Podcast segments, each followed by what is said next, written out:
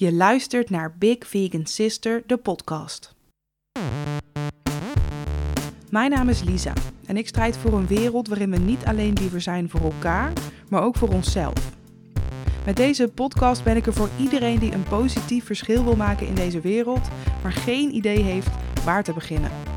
Samen met mijn gasten neem ik je mee langs allerlei onderwerpen die bijdragen aan een inclusievere wereld. En bied ik je herkenning, nieuwe inzichten en een heleboel praktische handvatten om direct mee aan de slag te gaan. We zijn hier om te leren.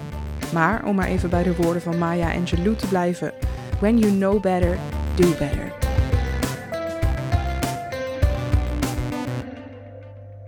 Welkom bij een nieuwe aflevering van Big Vegan Sister, de podcast. De aflevering van vandaag is een bijzondere. Het is namelijk de tweede aflevering van een serie podcastafleveringen binnen mijn podcast, Lekker Meta, namelijk de serie De Politiek van Eten.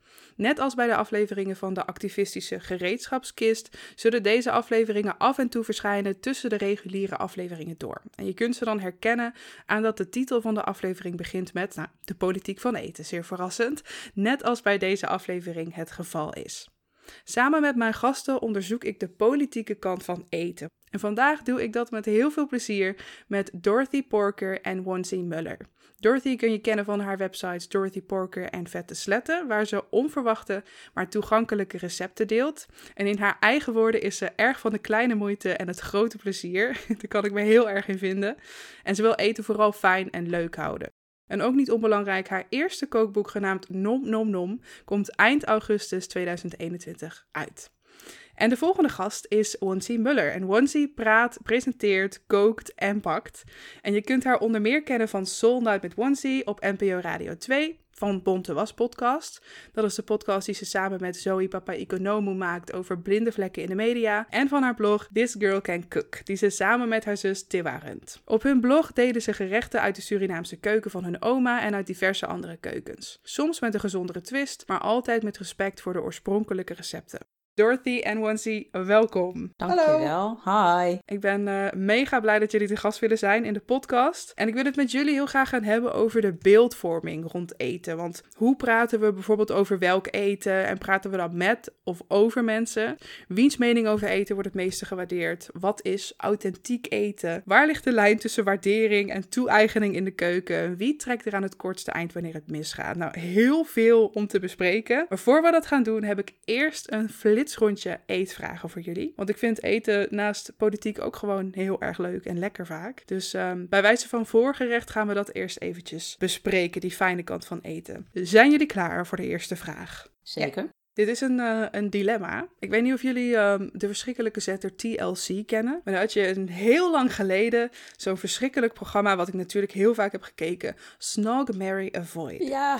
En kennen jullie dat nog? Natuurlijk. Ik, weet, ik hoop... Ja, die ja, computer, ja. Okay. ja. Ja, ja, ja, precies, precies. Er was dan een computer en, en Um, nou ja, in ieder geval, mensen kregen een make-over en dan moesten daarna mensen op straat zeggen: Would you snog, dus kiss, marry of avoid this person? Nou, wij gaan hem iets anders doen. Um, ik heb een kiss, marry, kill dilemma voor jullie. Dus ik heb drie ingrediënten en jullie moeten aangeven which one you would kiss, marry or kill. En de ingrediënten zijn tofu, sriracha en pure chocolade. Dorothy, kiss, marry, kill.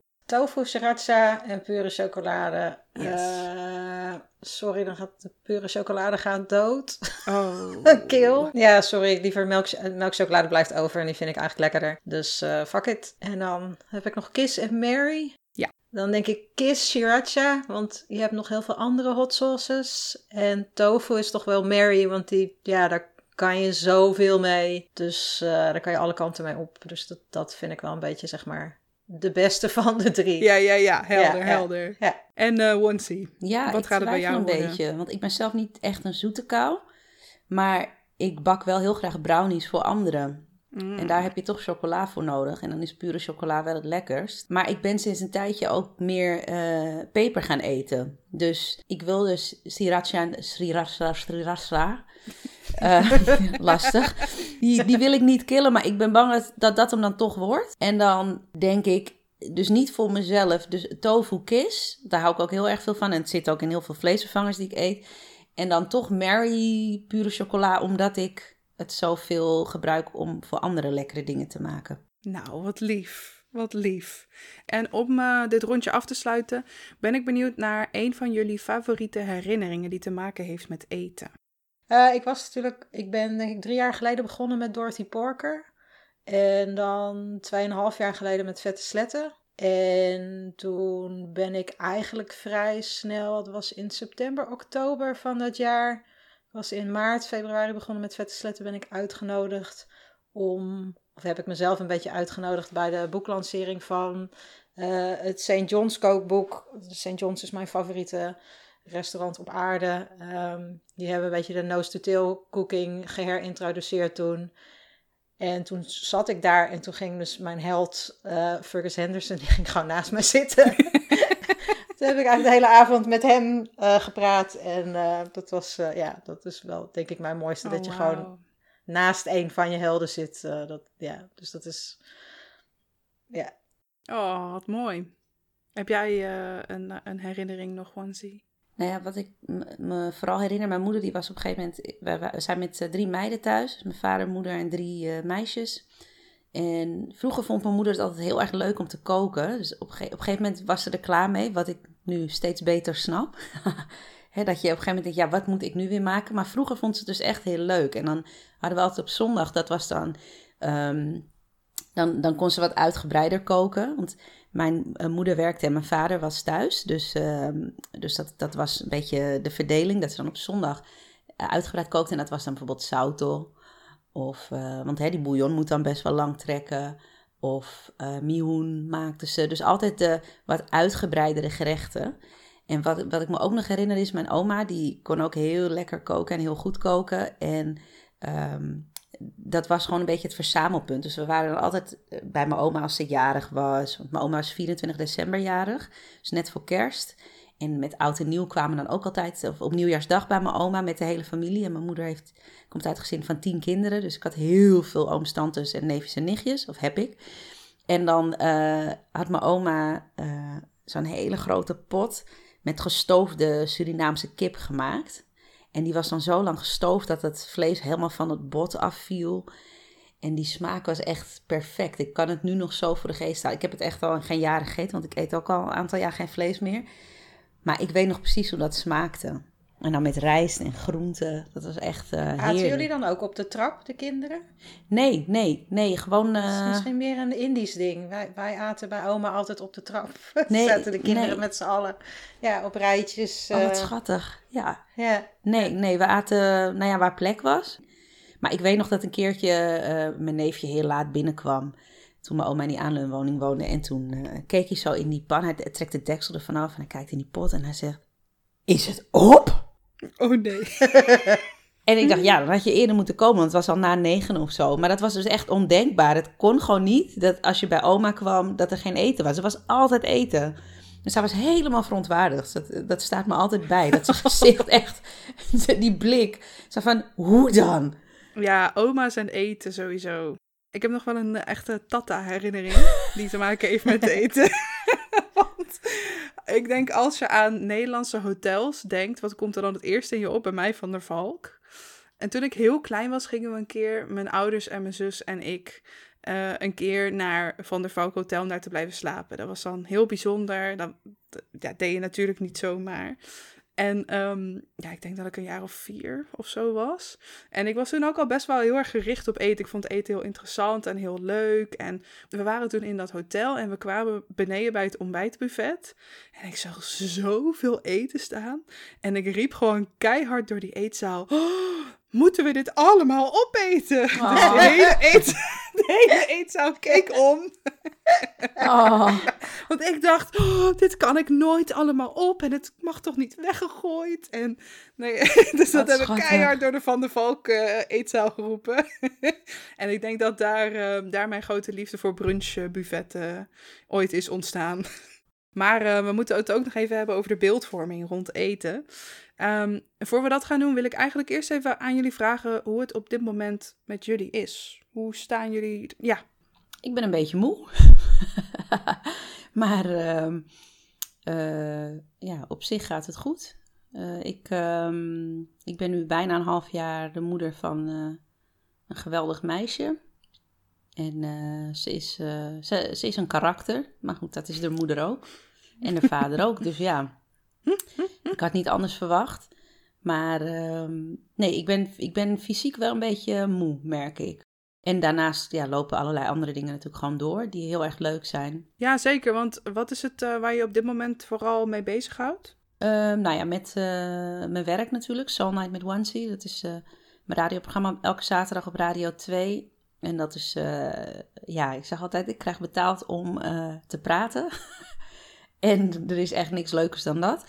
ik sta elke week te dansen in de studio. Dus ja, dat is echt mijn, mijn feestje elke week dus ook als ik, ik bedoel, toen we nog uit mochten en zo, hè, dat, als ik dan uitging, dacht ik, ja, ik draai dit ook. Ik bedoel, ja, en, en dan sta ik niet... En dan mag ik er nog wat bij vertellen ook. Ja, en dan sta ik niet tussen, tussen allemaal zwetende mensen of zo, weet je wel. Dus ja. Dus, uh, nee, dus dat is echt uh, een soort van uh, hoogtepuntje van de week altijd. En um, daarnaast ehm, doe ik allerlei dingetjes gewoon ernaast. Dus ik ben gastdocent geweest op de Hogeschool van Amsterdam, bij de Minor Radio. Ik heb net een, een, een, leuke samenwerking gedaan voor de blog uh, met een uh, peulvruchtenmerk. Um, ja, dus van alles. En verder, ik ben net verhuisd, dus uh, ja, dat is best wel.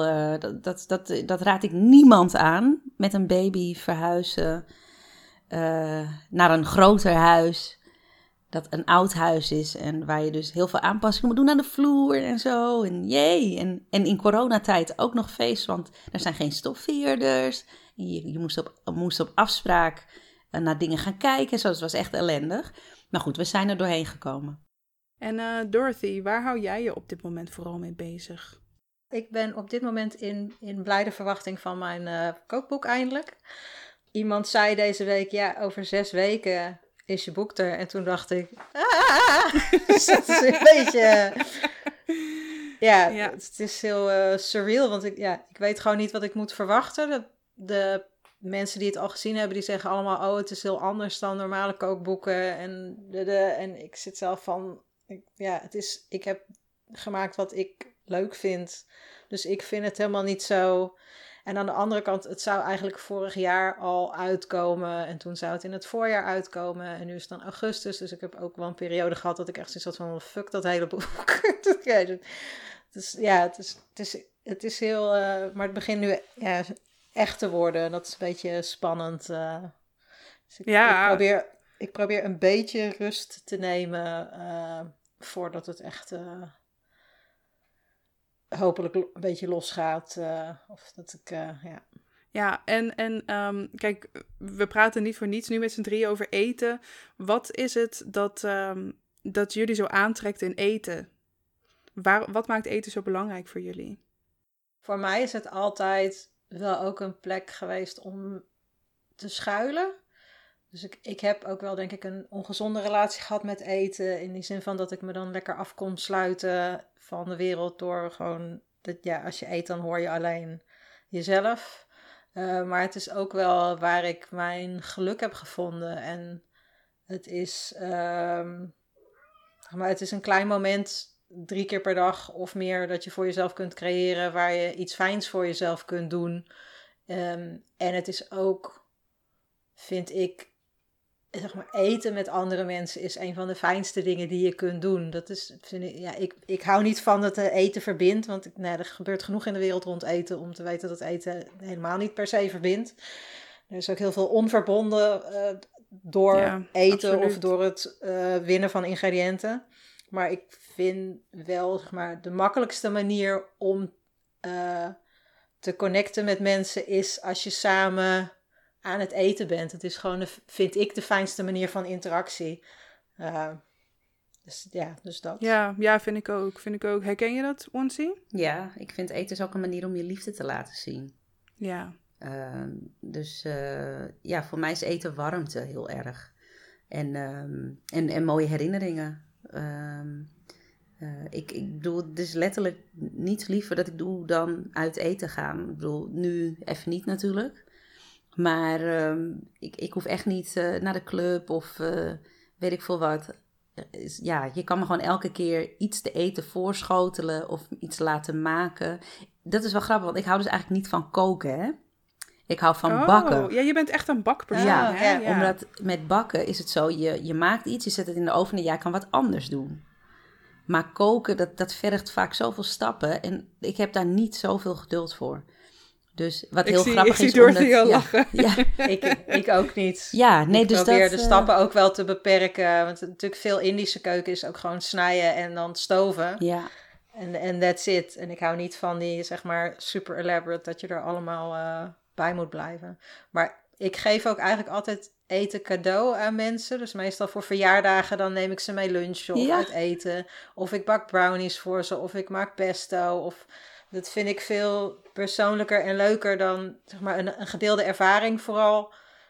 Dan hier heb je een ding dat in de weg gaat staan in je huis, wat je misschien helemaal niet wil. Eten gaat ook op. Dus Ja. als je iemand iets te Ja, eten geeft, dan gebruiken ze het op en dan is het weg. In plaats van dat iemand denkt: oh, nu zit ik met deze keramieke, whatever. eierdopjes. Klopt. Ja, ja, ja, ja. Ja. ja. maar je kunt mensen er Ja. vaak ook naast heel blij mee maken. Ook gewoon echt heel erg mee helpen. Want ik, ik weet niet hoeveel situaties er wel niet zijn waarin een bordje eten gewoon heel erg fijn is. Als je net moeder bent geworden, als je moe bent, eh, als je chronisch ziek bent. Als je, nou, het maakt allemaal, ja, precies, na overlijden. Het is, ik zeg ook vaak, voor mij is eten echt zo'n soort love language of zo. Hoe, hoe ik eten zie. En dat is het bij mij persoonlijk ook niet altijd geweest. Ik heb ook echt altijd, niet altijd een, een fijne relatie gehad met eten. Ik heb een eetstoornis gehad. Ehm, maar inmiddels zit ik wel op zo'n punt dat ik eten ook wel dat ik echt weer heel erg kan genieten van en met eten, zeg maar. Maar ik weet ook, er zit ook een hele andere, andere kant aan eten natuurlijk. En, en dat is waar we het ook vandaag over hebben. Ik heb het eerder bijvoorbeeld met eh, Dalila Said gehad over ehm, hoe een sociaal voedsellandschap eruit zou zien. Eh, waarom niet iedereen eh, dezelfde toegang heeft tot eh, goed en gezond en lekker en cultureel passend eten. En, en wat we daaraan kunnen doen. Ehm, en vandaag wil ik het dus graag met jullie hebben over de beeldvorming rond eten. Want dat gaat nogal eens fout als je het mij vraagt. Wat denken jullie, ehm, om het even terug te pakken op, op waarom ik deze afleveringen überhaupt maak, is eten voor jullie zelf? Is het iets politieks voor jullie? Of zie je dat daar los van? Het is absoluut politiek. Het is, eh, alles is politiek sowieso, daar geloof ik echt in. Ehm, maar, maar eten is eh, hetgene wat ons letterlijk in leven houdt. En de, de manier waarop het verbouwd wordt, waarop het verhandeld wordt, waarop- wie het wel heeft, wie het niet heeft. eh, dat is uiteindelijk waar, waar politiek Ja. om draait. En dat ja, is en ook wat we vertellen Macht. over welk eten. En ook macht, ja. absoluut. Ja. Als je kijkt naar de geschiedenis ook van natuurlijk eh, eh, Nederlands-Indië of Indonesië en de, en de West, eh, dat gaat allebei over, dat ging over specerijen, dat ging over het verbouwen van suiker. Die, die hele geschiedenis geeft al aan, zeg maar.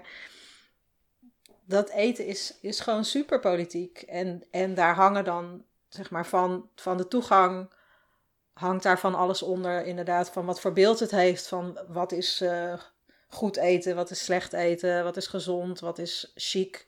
Waar betaal je meer voor, waar betaal je minder voor. Dus dat, ja, eten is gewoon ontzettend politiek. Want het gaat uiteindelijk over wie er, wie er in leven blijft. Dat is even heel dramatisch en extreem, maar- maar dat is natuurlijk wel zo. Ik, eh, ik heb daar alleen maar aan toe te voegen. Mee eens. Hoera.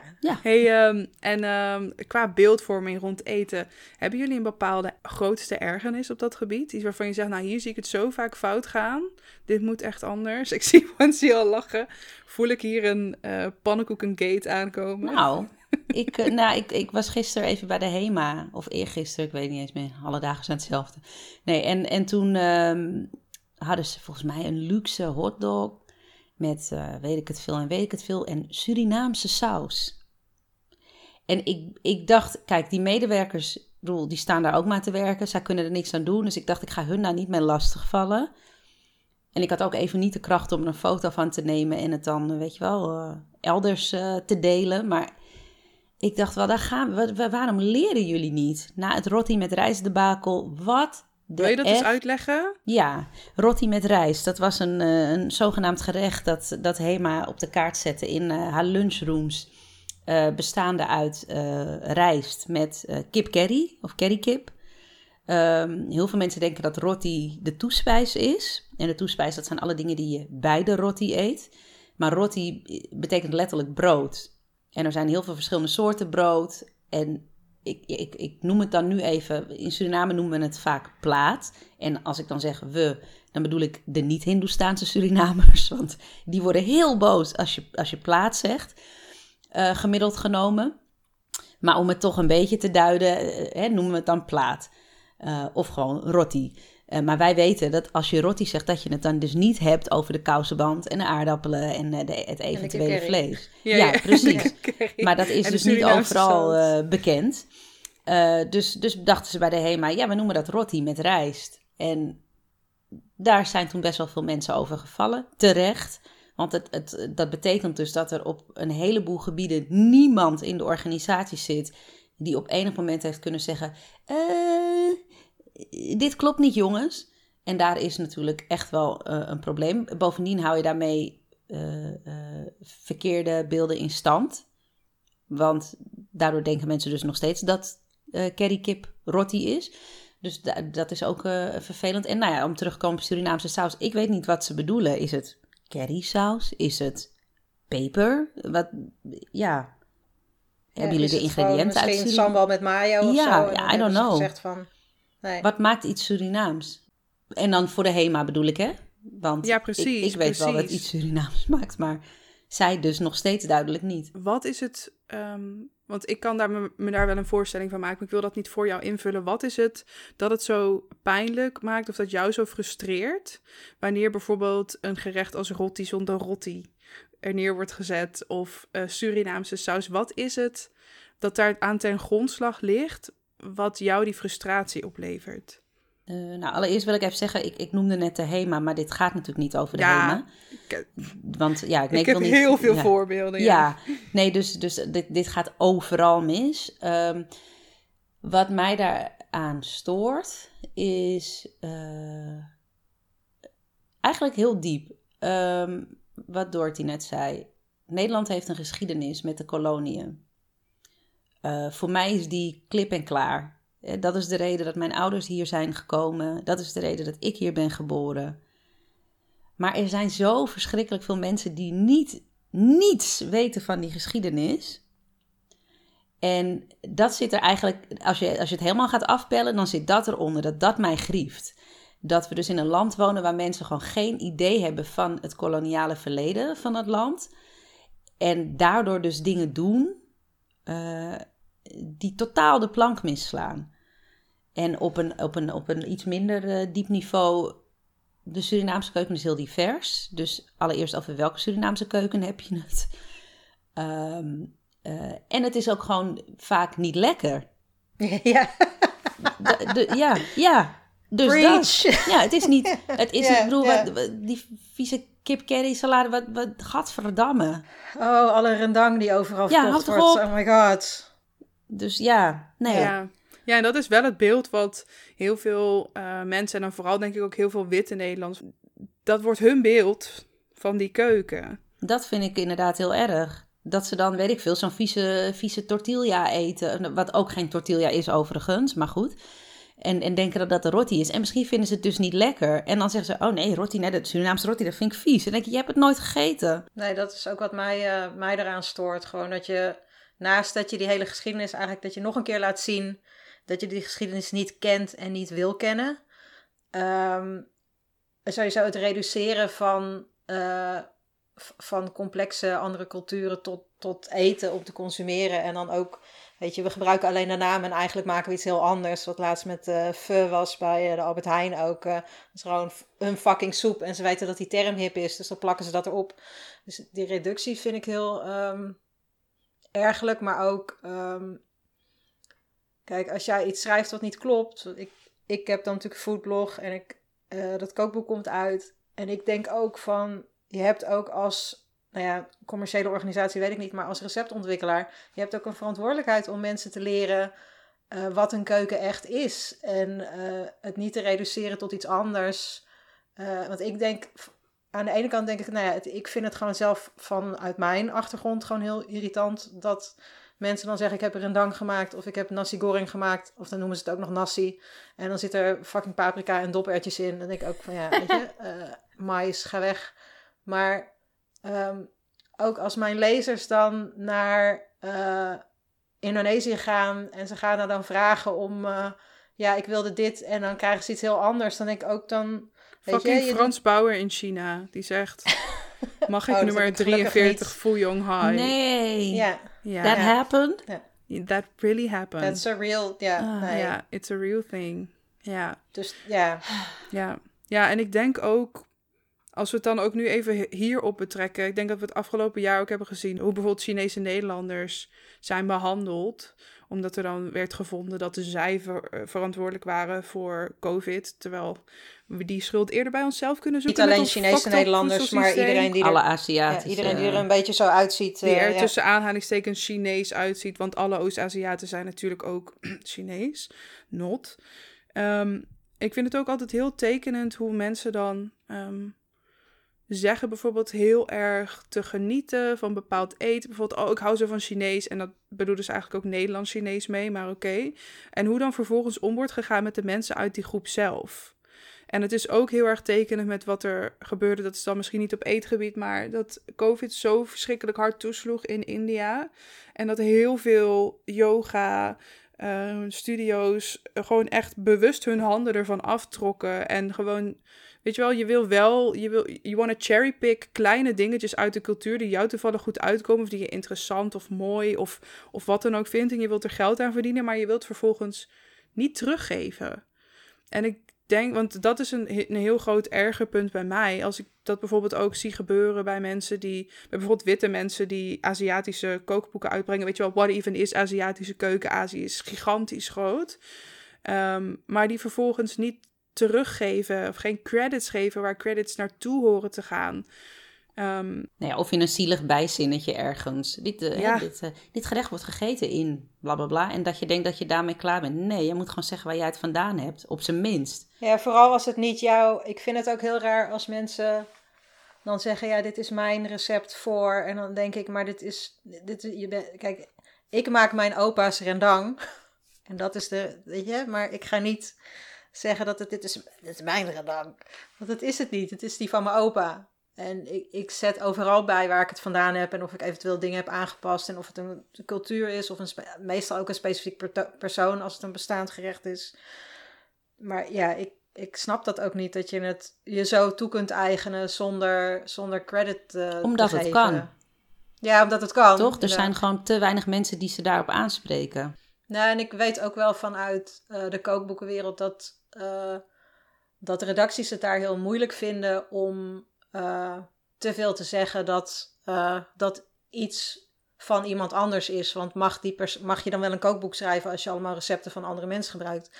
Maar je bouwt altijd voor, weet je, ik heb een recept voor patat friet in mijn kookboek staan. Natuurlijk heb ik niet zelf patat bedacht. Dan kan ik wel zeggen, ja, dat is mijn recept voor Maar ik heb toch niet zelf, oh, een aardappel ontdekt en daar maar sowieso, hè, het woord ontdekken.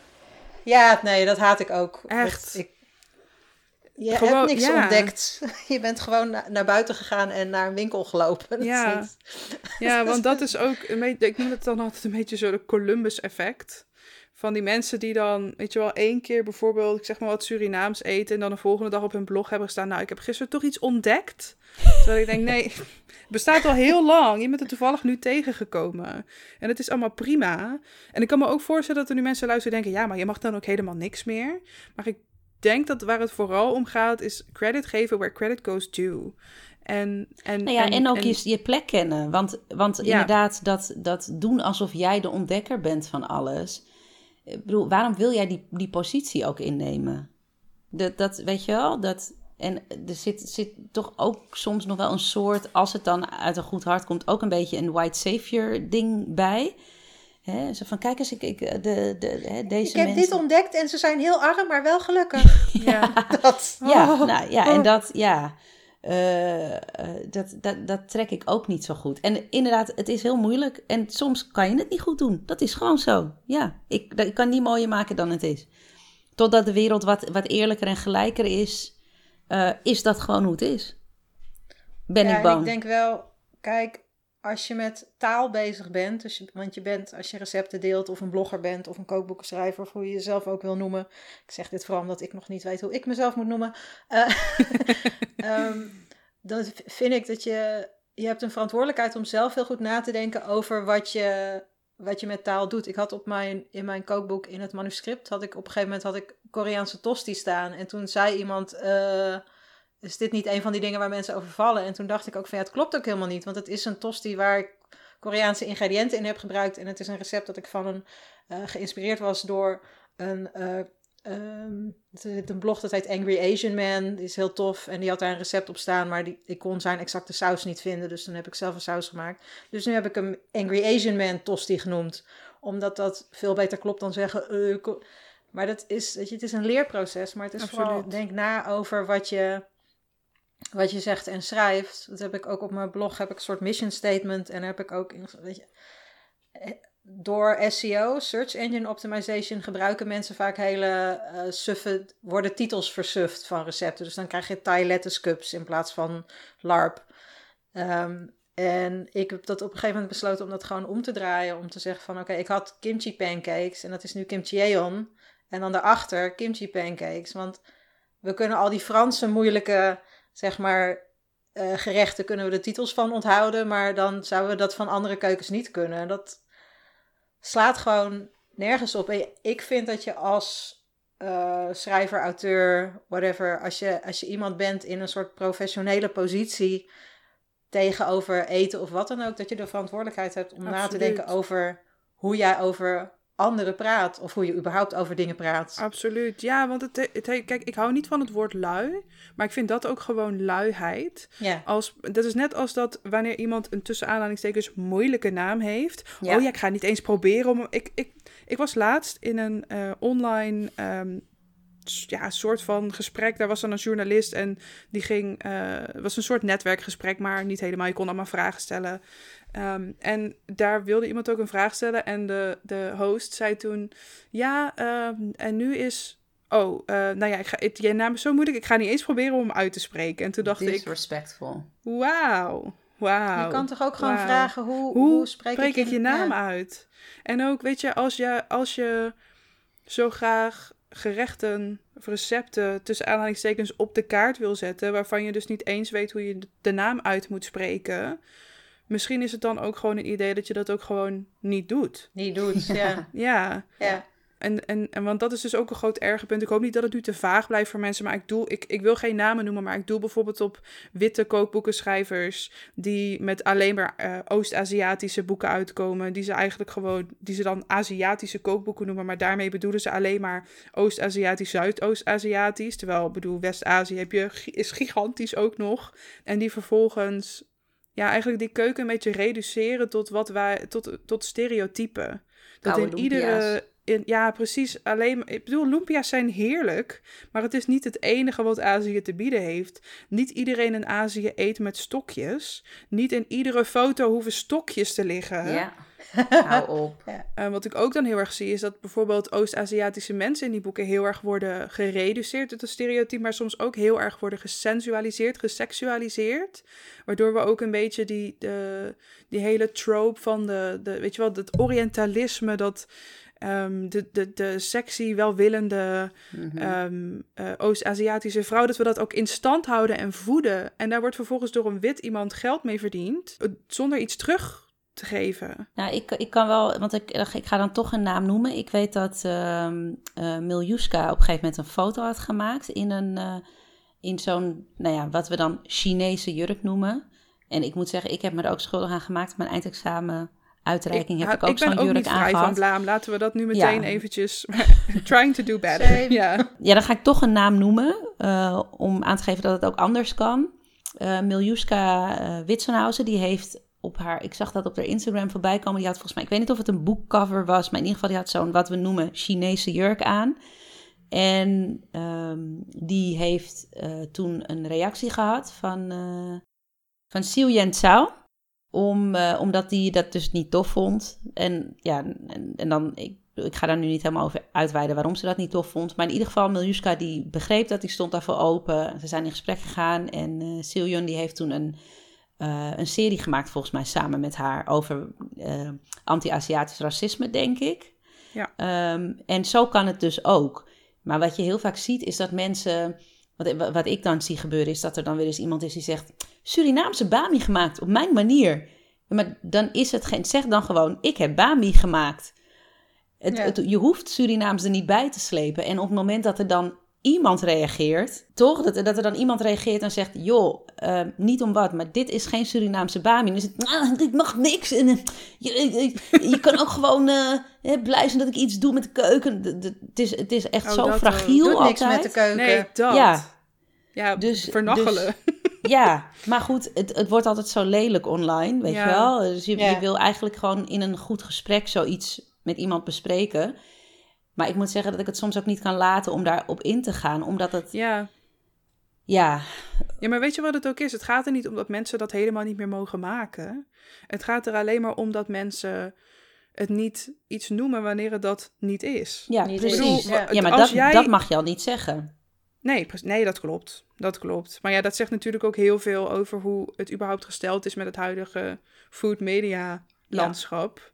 Ja. Ehm, ja, hoe, hoe voelen je, jullie je op dit moment eigenlijk qua plaats in dat medialandschap? Voelen jullie je thuis? Voelen jullie je... In het Nederlandse food media landschap? Mhm.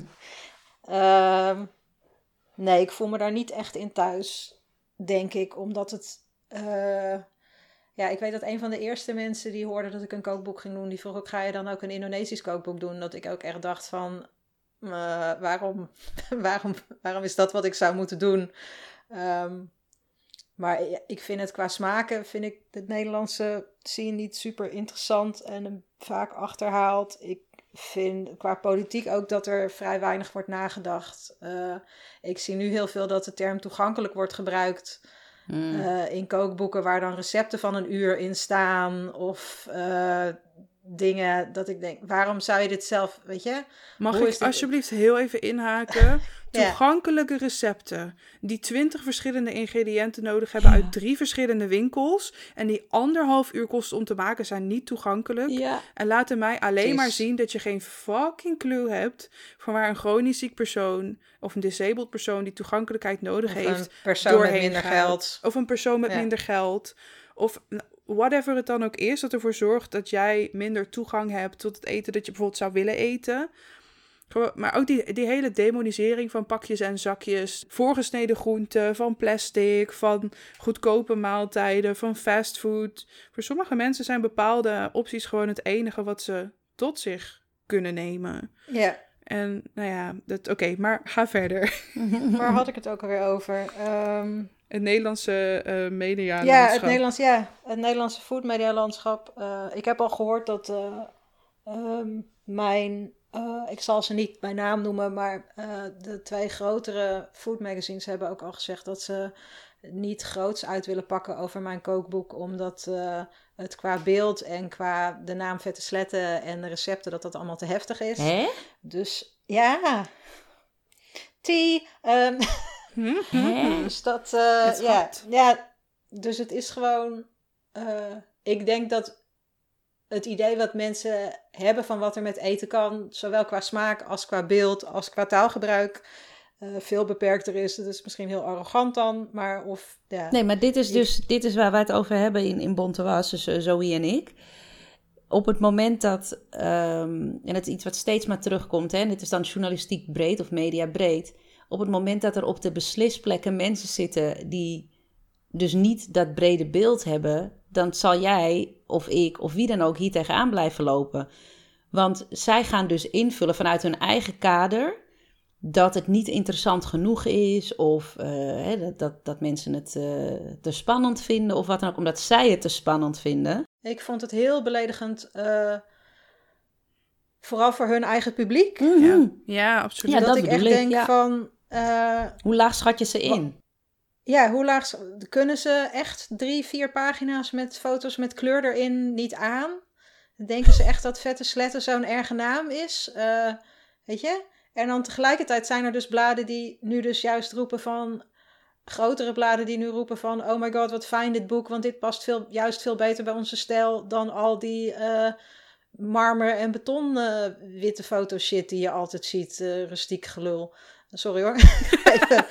ja. Maar daardoor kom ik dus juist wel weer in andere bladen, want die waren hier kennelijk juist naar op zoek. En die denken dat hun publiek het juist wel leuk vindt. Want ik, ja, het is, het is zo um, afgesloten van, nou ja, eten moet alleen maar, in, in Nederland, eten moet alleen maar over eten gaan.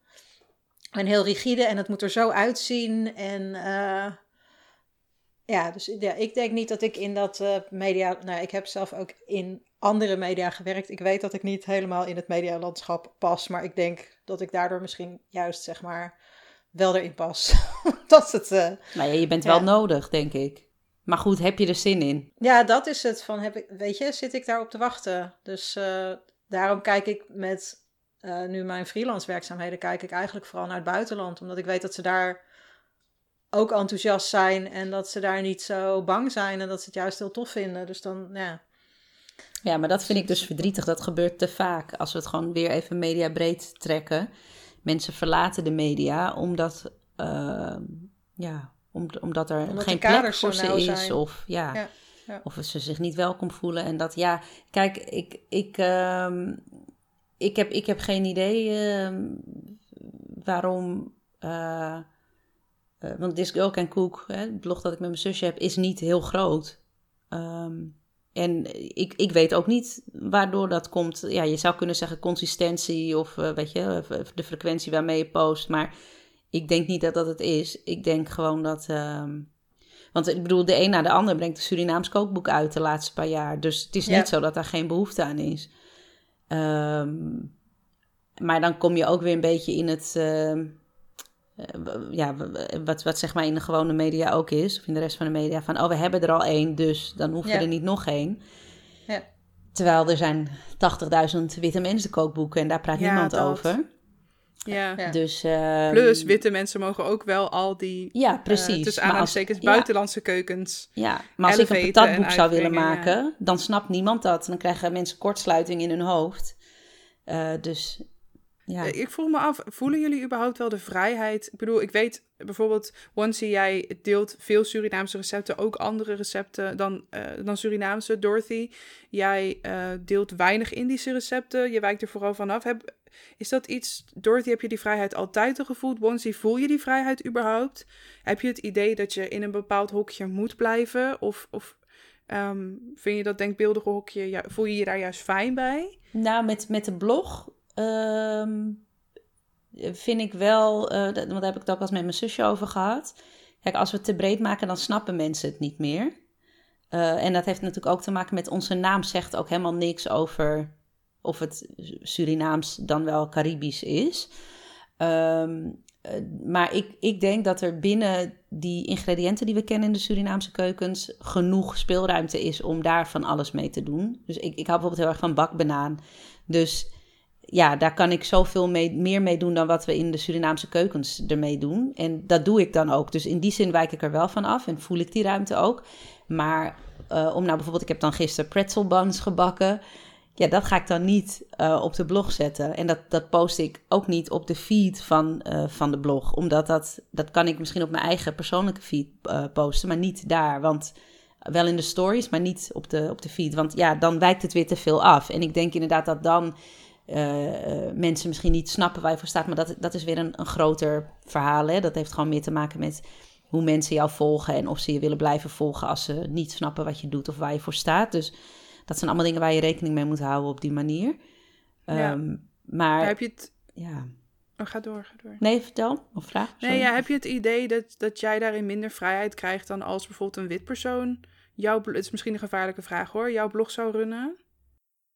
Um, nee, ik, nou weet ik niet. Ik denk dat als een, als een wit persoon uh, een, een, blog zou runnen waarin, uh, waarin ze zeggen dat ze uh, gezondere en Surinaamse recepten met een twist maken, wat ik al heel bijzonder zou vinden, maar vooruit. Voor the sake of argument, dan, dan denk ik dat ze zich daar ook aan moeten houden. Want dan zou het net zo raar zijn als daar een, een, een weet ik veel, een bolletjesrecept op staat of zo. Dus, dat, ja. dus ik, nee, dat denk ik niet. Maar wel. Ehm, Uh, ik denk wel dat, uh, dat mensen dat dan een spannender verhaal vinden. Hè, van, uh, weet ik veel, Jo Janneke liep twee jaar geleden stage in Suriname en werd verliefd op de, de Surinaamse keuken. weet je, dat, dat vinden mensen een leuker verhaal dan dat ik vertel. Hè, de herinneringen van mijn oma en we wilden dat doorgeven. En vanwege mijn vaders diabetes zijn we toch eens gaan kijken, goh, kunnen we niet te spelen met wat er nou precies in al die gerechten gaat. Uh, omdat, uh, want dat, dat is, ik weet niet of we het daar zo ook nog over hebben, maar dat is wel de, een van de redenen waarom wij dus uh, ja, het, kopje, tussen aanhalingstekens, gezondere recepten posten. Want de Surinaamse keukens bevatten echt heel veel suiker, zout, vet. En heel veel Surinamers hebben diabetes, nierproblemen. En dat is wel echt terug te herleiden op het voedsel wat ze eten, of het dieet. En ehm, ja, bij mijn vader eh, is, ja, was dat te laat, zeg maar. Maar ja, ik, ik zie dat dus... Voor mij is dat een beetje emotioneel ehm, beladen. En, en daarom... En dat is, dat is niet om, om mensen te shamen of om met een vinger te wijzen van wat jij doet is ongezond. Want ik hou zelf ook van ongezonde dingen en daar moet ruimte voor zijn. Uh, tegelijkertijd denk ik dat, er, dat het wel verstandig zou zijn als... En dan praat ik even in het algemeen. Bijvoorbeeld Surinamers iets minder rijst zouden eten en iets meer groenten. En ik weet niet hoe vaak jullie Surinaams eten afhalen. Maar je krijgt dan meestal een bord, ik zeg maar wat bami. Je krijgt een bord bami met twee schepjes kousenband. Ja, daar heb ik problemen mee. Uh, omdat dat ja, gewoon niet is zoals je groenten zou, tot je zou moeten nemen, vind ik hoor. Maar dat, dus, ja, dus, dus dat is zeg maar zonder met vinger te willen wijzen, denk ik wel. En een heleboel mensen weten dat ook niet. Hè? Van, uh, het is beter om de helft van je bord te vullen met groenten en een kwart met eiwit, een kwart met granen. En als ik daar een beetje aan kan bijdragen, dat mensen in ieder geval die optie hebben. En of ze er wat mee willen doen, moeten ze zelf weten. Maar dat, dat ze in ieder geval weten dat er nog iets anders mogelijk is. Dan, en net zo lekker, dan wil ik daar graag aan bijdragen. Ja, weet je, het, het, het gesprek rond eten en gezondheid vind ik zelf altijd een moeilijke. Gewoon door mijn eigen positie, ook als chronisch ziek persoon en ook als dik persoon. En ook mensen die heel vaak tegen mij doen alsof alles maakbaar is. Alleen ik wil ook niet helemaal wegblijven bij dat gesprek, want het is wel degelijk ook een belangrijk gesprek. Dat wel gevoerd moet worden door de mensen, uh, de, de, de juiste mensen, laat ik het zo zeggen. Plus, in dit geval vind ik het ook nog eens. Weet je wel, waarom bestaat het Surinaamse um, dieet uit bijvoorbeeld veel rijst, veel koolhydraten, veel suikers? Dat heeft ook gewoon, als je het terugtrekt, ook heel veel te maken met kolonisatie. Nou ja, een heel simpel voorbeeld is, je hebt in de Surinaamse keuken uh, uh, iets dat heet agoutere. En dat is stralangtongel voor varkensstaart. Um, dat is iets wat Surinamers dan, dat verwerk je in, in, in groenten of, of, misschien wel in soep. Maar goed, mijn moeder deed dat dan door de amsooi, door een bladgroente.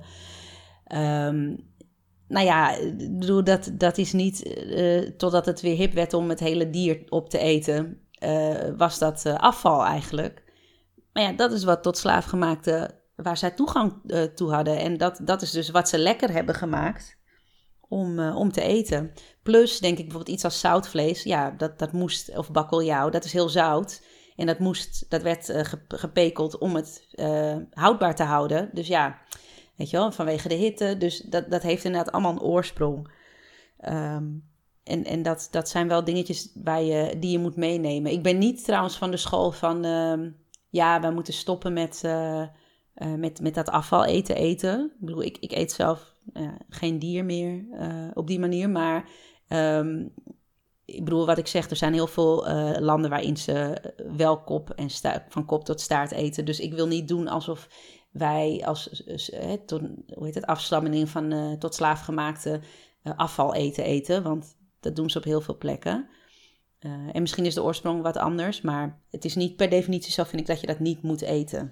Nee, en ook als je dan ziet hoe er vervolgens op gereageerd wordt, bijvoorbeeld door witte media. Ik weet dat, volgens mij was dat vorig jaar een keer toen deelde iemand ook een foto van um, zijn of haar bord eten. En dat was dus ook met varkenstaart.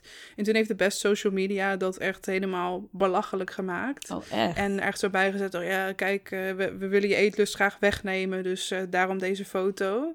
Er is nu een hele uh, actie tegen... De James Corden heeft zo'n segment in zijn programma dat ze dat je ehm, iets eh, vies moet eten of, uh, of iets moet bekennen als er een vraag wordt gesteld, dat je dan eerlijk antwoord moet geven. En dat is, het zijn vooral Aziatische oh. uh, gerechten eigenlijk. dingen zoals tong en century egg en um, daar zijn ze nu in Amerika actie over aan het voeren. Van dat dat segment eigenlijk gewoon. Het is gewoon eigenlijk anti-Aziatisch, ja. Ja, het is eigenlijk een anti-Aziatisch segment. Omdat het weer doet alsof uh, dingen die mensen in die culturen eten ranzig zijn. Ja. De hamburgers van de McDonald's zijn lekker. Ja, Zo, precies. Zo kunnen we over alles.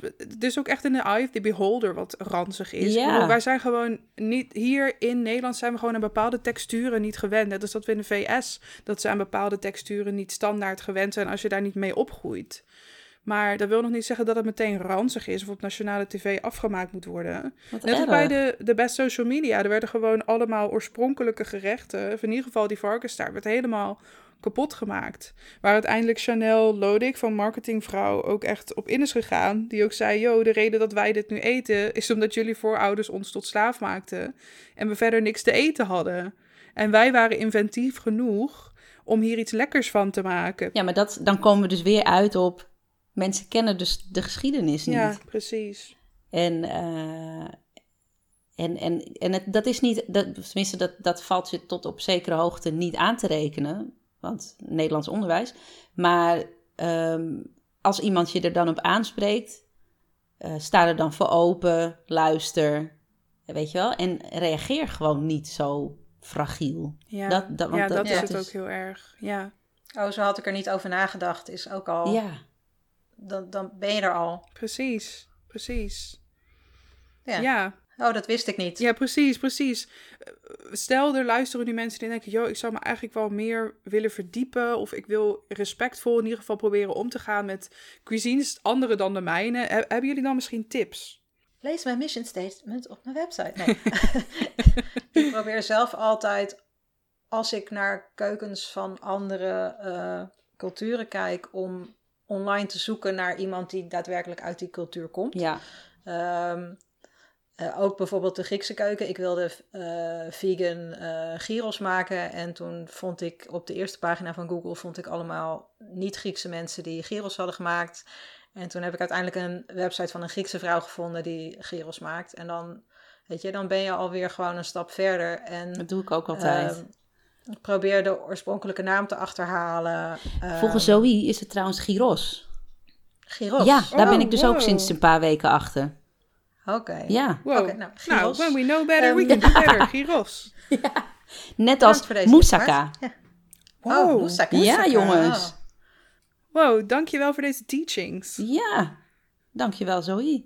Ja. Dus, ah ja, dus dat is gewoon, weet je, het, uh, Google is gratis. Um, en je kunt gewoon zelf zien waar iemand vandaan komt en... Uh, en ik vraag het ook wel eens aan iemand. Ik, had die, ik heb uh, een recept voor wat ik toen Larp Guy noemde. En toen reageerde er iemand, maar Guy is kip en je maakt het met tofu. En toen dacht ik, oh ja, dat is wel inderdaad niet oké. En toen zei zij van, ja, uh, ik gebruik geen ge getooste rijst. Dat hoort er eigenlijk over. Maar dat vind ik te veel werk. En zij zei, ja, dan noem het gewoon dan lekker iets anders. Want dan is het jaar uitvinding. En ik dacht, maar het smaakt nog zoveel naar LARP dan vind ik het niet oké om dan te zeggen, nou, nu is het gewoon uh, mijn, uh, mijn tofu uh, slaatje of zo, weet ik veel. Slaablaadje. Um, toen heb ik ook nog aan andere Thaise mensen gevraagd wat zij daarvan vonden. En die zeiden van ja, het is eigenlijk ook wel, het, het is ook wel LARP. Dus ik heb de naam veranderd naar LARP. En ik heb er wel bij gezet van er hoort geroosterde rijst overheen. En ik doe dat zelf niet, omdat ik daar te lui voor ben. En dan ben je ook alweer een stap verder. Um, maar het, ja, het gaat voor mij vooral om de mensen die, um, die zelf in de media werken, die na moeten denken over uh, welke termen. Ik zag dat de allerhande nu ook de originele naam eerst zet. Uh, voordat ze de, de, zeg maar een Nederlandse vertaling erbij zetten. Ik denk dat dat soort slagen dat die gewoon heel belangrijk zijn om te maken. Om um, ook omdat we van bepaalde keukens dan dingen niet vertalen en van andere keukens wel. weet je, de Franse keuken kunnen we allemaal vloeiend uh, over meepraten. Coq au vin. ja, bouillabaisse. Ja. En dan de Chinese keuken is dan ineens te, te moeilijk. Maar dat, ja, dat, ja, dat, dat leren, dat, dat leerproces, daar ben je, als je in de media werkt, ben je daar gewoon verantwoordelijk voor. Of je dat, en of je het daar nou mee eens bent of niet, dat, volgens mij is dat, is dat gewoon zo. Period. En als jij er dan voor kiest om mensen verkeerde dingen te leren, dan, oké, dan is dat ook een keuze. Ja, maar, ze weten het zelf vaak niet eens. Dat is dus het ding. Nee, het is die, dat referentiekader is zo smal dat ze het voor zichzelf al moeten uitleggen. Ja, maar dan denk ik van, weet je, uh, Google it. Vooral voor mensen die in media werken. Dat is gewoon een deel van je functie. Is gewoon uh, zorgen dat wat, wat jij uh, uitdraagt, dat dat klopt. En ik weet dat in Nederland al uh, columnisten hebben niet eens een fact-check. Dus ik snap dat foodbloggers daar ook niet altijd zin in hebben. Maar ja, dat is toch gewoon iets dat bij je rol hoort. Ja, ja. Ja, ik heb bij dat soort dingen ook altijd, als ik content ga maken, dan wil ik ook dat het klopt. En dan wil ik niet dat ik dingen zeg die onwaar zijn. En als ik geen tijd of energie heb om dat uit te zoeken, dan komt er dus niks online. En ik, het is gewoon je taak, al helemaal als zeg maar gevestigde foodmedia, om te zorgen dat wat je zegt klopt. Dat is onderdeel van journalistiek. En ik snap niet waarom daar zo weinig waarde aan gehecht lijkt te worden. Ja, waarom daar discussie over is. Überhaupt. Nou ja, omdat ik denk omdat ze dus niet zien dat dat een taak is. Ja. Ze, ze oh hebben gewoon niet, ze hebben niet door dat dat nog een extra vaardigheid is die nodig is. Ja, en zeker bij food denk ik dat het eigenlijk... Food media is meer eh, een flink stuk PR en uh, entertainment. Zo wordt het gezien. Dus we kunnen toch dingen leuk brengen. Maar dat ik, ja, je kan. Kijk, ik heb er in het begin heel bewust voor gekozen. Uh, ik was altijd heel actief in uh, antiracisme kringen en in uh, feminisme kringen. En ik ben er op een gegeven moment mee gestopt omdat ik dat emotioneel met mijn hoofd niet meer aantrok of niet meer trok. En ik heb er heel bewust, bewust voor gekozen om bepaalde termen, bepaalde dingen niet te gebruiken en meer na te denken over wat ik wel doe, zonder dat ik dat heel erg expliciet gezegd nee, heb. Precies. precies. En ik heb nu dan wel een soort mission statement op mijn website staan waarin ik het uitleg, maar ik zeg nooit uh, bij Instagram post of zo van nou, uh, of ook, ja, ik vind het ook een beetje te, als ik bij elke blogpost ga zeggen wat goed van mij, dat ik het wel kimchi ale noem, terwijl jullie het allemaal kimchi pancakes noemen, dat soort dingen, weet je. Ik heb er gewoon, je kan ook gewoon het doen. De Allerhande heeft ook niet een statement gemaakt en gezegd: joh, we gaan vanaf nu. Mensen, we gaan vanaf nu gaan we de Nederlandse vertaling als tweede zetten. Ze zijn het gewoon gaan doen. Ja. Ja, dus dat is, ook nog zo'n ding. mensen willen dan volgens mijn gevoel... Een schouderklopje. ja, gewoon echt van die woke points halen of zo. Zo van, oh, wat ongelooflijk goed dat jullie dit doen. Ja, of, of ze doen het juist niet omdat ze bang zijn dat ze zo'n statement eerst dan... dat ze zich moeten verklaren. Ja, ja, En dat ze bang zijn voor die discussie. En je kan, in principe kan je gewoon, zeg maar op plat gezegd doen wat je wil. En dan hoeft er geen discussie te zijn, want niemand ja. weet dat je. je ik, ben, ik, ik deel alleen nog maar plantaardige recepten sinds december. Ik heb dat eigenlijk nergens aangekondigd. Uh, vroeg laatst iemand, heeft iemand daarop gereageerd? Ik zei, nee, niemand heeft het door.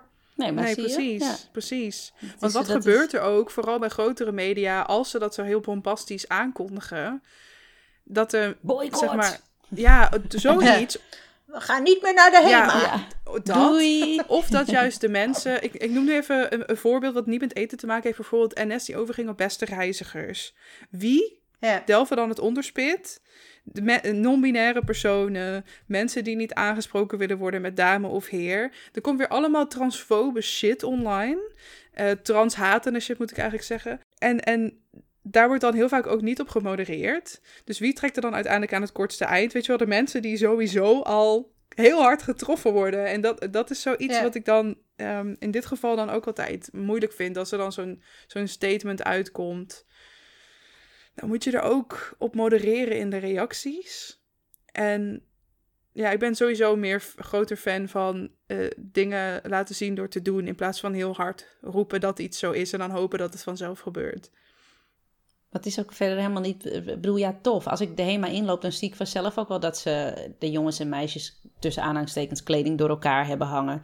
Dat, dat hadden ze voor mij helemaal niet hoeven melden. Nee. Dat, dat, en beste reizigers, het was waarschijnlijk, weet je, zou het mensen zijn opgevallen? Als, want dan is het gewoon, oh, ze, spreken, ze hebben een nieuw woord. Maar dan hadden ze niet hoeven zeggen, dat doen we om. Dat, dat is inderdaad, en ik denk dat dat, dat dan weer een volgende stap is om je te realiseren. Wat, uh, wat kunnen de mogelijke reacties zijn en is dat het het waard? Mm um, ik denk dat bij uh, grotere instanties dat je er wel rekening mee moet houden.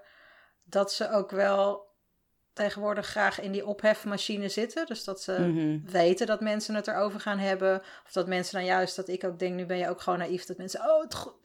Je zag het afgelopen week met, eh, of je ziet het nu deze hele maand met, eh, met Pride. En overal waar een regenboogvlaggetje op wordt ge- geplakt. Dat je juist ziet dat mensen dan zeggen, oh, eerst vond, was iedereen sceptisch. En toen had je die toestand in Hongarije. Dus nu is iedereen allemaal dingen met vlaggetjes. Dat ik ook denk, wat, dat je, mensen trappen er ook gewoon in. Dus je hebt aan de ene kant die mensen die dan gaan hun Nike's verbranden omdat ze Kobe Bryant steunen of zo.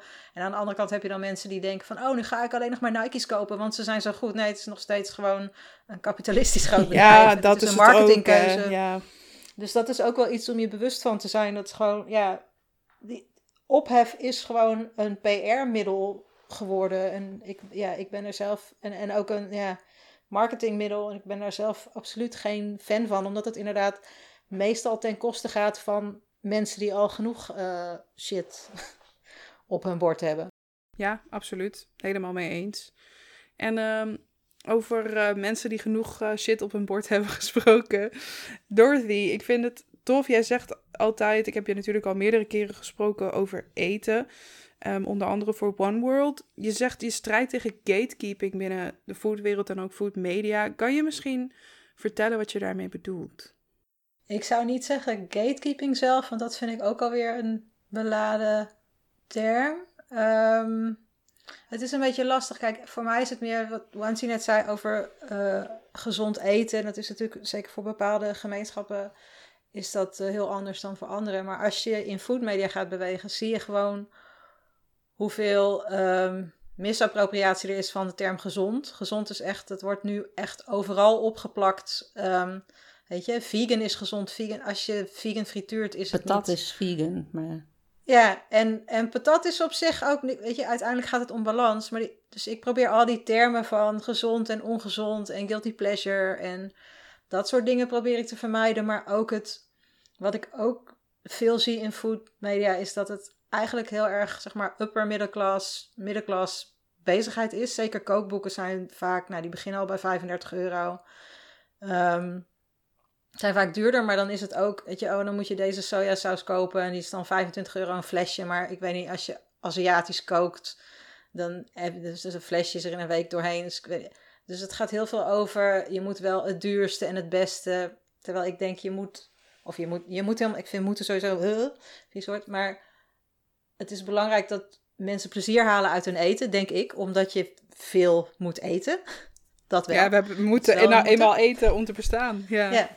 Ehm, en ik denk, eh, ik heb soms het idee dat mensen recepten ook expres ingewikkelder schrijven dan ze zijn. Dus er zit heel, het zijn vaak ook stappen dat ik denk, ja, dat is leuk voor een restaurant, maar voor een kerstverse moeder of iemand die chronisch ziek is, waar, waarom zitten deze stappen erin? Ehm, dus ik probeer altijd in mijn recepten duidelijk te maken wat je over kunt slaan. eh, ook wat je anders kunt doen. Omdat heel veel mensen denken ook dat ze een recept exact moeten volgen. Maar je kan ook vaak kruiden inwisselen. Of weet je, misschien heb je één teen knoflook in plaats van zes. Of uh, misschien heb je geen zin in knoflook, maar heb je wel ui. Of... Dus ik vind het gewoon belangrijk dat mensen meer leren koken. En, en lekker leren koken. Want lekker eten is gewoon, denk ik, heel belangrijk dan um, dat het zo'n afgebakend van uh, het moet duur en het is alleen goed als het duur is en het is alleen goed als het ook nog gezond is of uh, uh, iedereen moet op dieet of de, dat, dat zijn de dingen waar ik van uit de buurt probeer te blijven. Ik weet niet of ik nu een heel helder verhaal ja, heb. Ja, nee, voor maar... mij wel. Voor mij wel. Ik zie jou meerdere keren hard knikken, Wansie. Zijn het dingen die jij ook herkent? Nou ja, wat ik sowieso nog wilde zeggen. Ik heb ooit Sabrina Starke, de zangeres, geïnterviewd voor uh, This Girl Can Cook. En die zei heel mooi over gezondheid. Ze zegt, ik kan niet zeggen, want zij heeft ook een opleiding tot uh, uh, natuurvoedingsdeskundige gedaan. Eh, en eh, zij zei ook, gezond, dat is voor iedereen anders. Want als je allergisch bent voor appels, dan is een appel dus niet gezond voor jou. En dat was voor mij wel echt een eye-opener. Dus ik denk dat het woord gezond inderdaad een beetje een holle term is. En, en toch zullen mensen wel snappen wat je zegt als je gezond gebruikt hoor. Maar nou ja, goed. Dus dat, dat wilde ik nog even zeggen. En um, ja, nee, dat is wel zo. Kijk, wat ik dan wel doe, of tenminste probeer met de blog, is uh, dat je niet uh, een recept maakt waar een magieblokje in zit. En dan ook nog zout. En dan misschien nog sojasaus of zo, weet je wel. Dus ik denk, laat dat magieblokje gewoon weg. Want dat, dat hoeft niet. Uh, maar uh, breng het op smaak met inderdaad zout of sojasaus of wat dan ook. Dus, en sojasaus is inderdaad iets wat Surinamers echt wel kennen. En dat kan je ook gewoon groot kopen in zo'n gallon fles ja, bijna. Zeker. Dus, um, maar dat, dan moet, moet, moet wel eerlijk zeggen dat er wel recepten staan op ons blog dat die...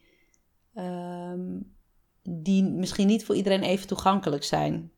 Hè, bijvoorbeeld nee, ik heb ze ook wel, maar, maar ik probeer daar rekening mee te houden. En, wat, ja, en met zout inderdaad, want dat gaat voor mij dan meer om smaak. Als ik uh, al feta ergens overheen doe, dan ga ik ook niet nog...